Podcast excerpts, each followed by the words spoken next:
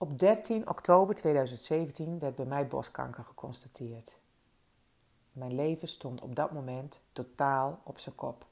En niet alleen dat van mij, maar ook van mijn gezin en van mijn moeder en mijn schoonvader en mijn vriendinnen. En wat er dan gaat gebeuren en wat er dan allemaal uh, in gang gezet wordt, nou ja, dat kan je niet eens bedenken. Weken van onderzoeken, scans, uh, bloedafnames, echo's, foto's, gesprekken. Uh, kleren uit, overal waar je komt moet je kleren uit. Ze moeten je allemaal zien en voelen. Uh, en dan voelt die nog eens eventjes en die, om toch overal zeker van te zijn. En of er geen uitzaaiingen zijn.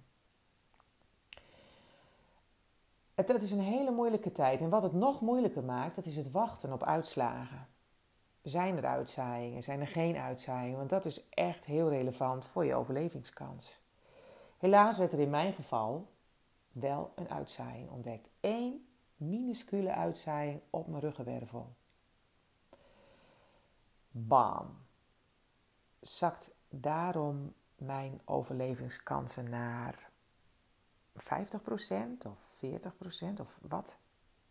De artsen die gaan er met een gestrekt been in. Die hebben, die hebben vertrouwen. Dus ze zijn vol vertrouwen. Ze gaan mij behandelen als zijnde geen uitzaaiingen.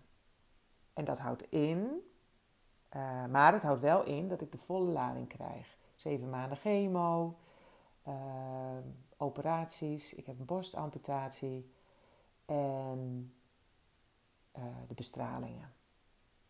Nou, alles is nu achter de rug. Ik ben ruim een jaar mee bezig geweest. Ik ben hersteld.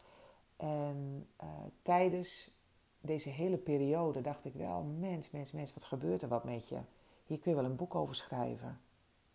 En dat heb ik dus dan ook maar gedaan. Ik ben begonnen met schrijven. Wat geresulteerd heeft in een vaste column in de Meppele Krant en in de Steenwijker Courant. En uh, vervolgens dacht ik van, uh, nou, dat wordt een leuk uh, boekwerk zo ondertussen wat ik allemaal heb geschreven. Waarom maak ik er niet echt een boek van? En dat heb ik gedaan. En zo heb ik gisteren voor het eerst mijn eigen boeken in handen gehouden. De hemel kan wachten. Een openhartig en intens verslag van een moeder die wordt getroffen door borstkanker.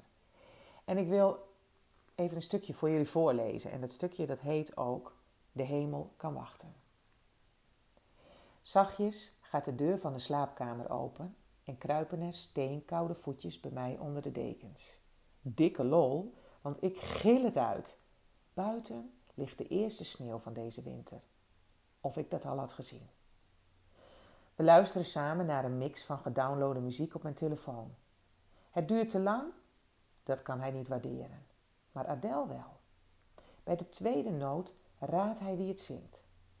Ja, logisch dat ik het weet. Jij draait het zo vaak, zegt hij als ik hem een compliment geef. Je vindt het zo mooi, mam. Heb je haar wel eens in het echt gezien? vraagt hij met zijn langzaam warmer wordende voeten tegen mijn benen en zijn rug tegen mijn buik. Ik vertel hem dat ik het graag zou willen en dat we twee jaar geleden geprobeerd hebben kaarten te krijgen, maar dat dat helaas niet was gelukt. En dat kaarten van Adele wel heel erg duur zijn. Nou, je moet het toch proberen, man.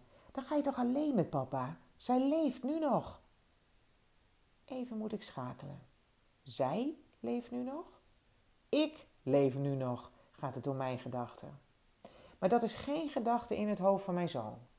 Hij vertelt verder. Zij leeft nu nog. De meeste zangers en zangeressen die zo goed zijn, die gaan dood aan de drugs omdat ze zo ongelukkig worden. We luisteren verder. Make It Rain. Een voor hem onbekend nummer van Ed Sheeran. Toch heeft hij na twee keer raden goed. Hij herkent de stem. Terwijl we nog even liggen te luisteren, ben ik blij dat hij, ondanks wat er de afgelopen jaar met ons is gebeurd, vol vertrouwen leeft. Zij leeft nog. Maar ik ook. En de hemel kan wachten.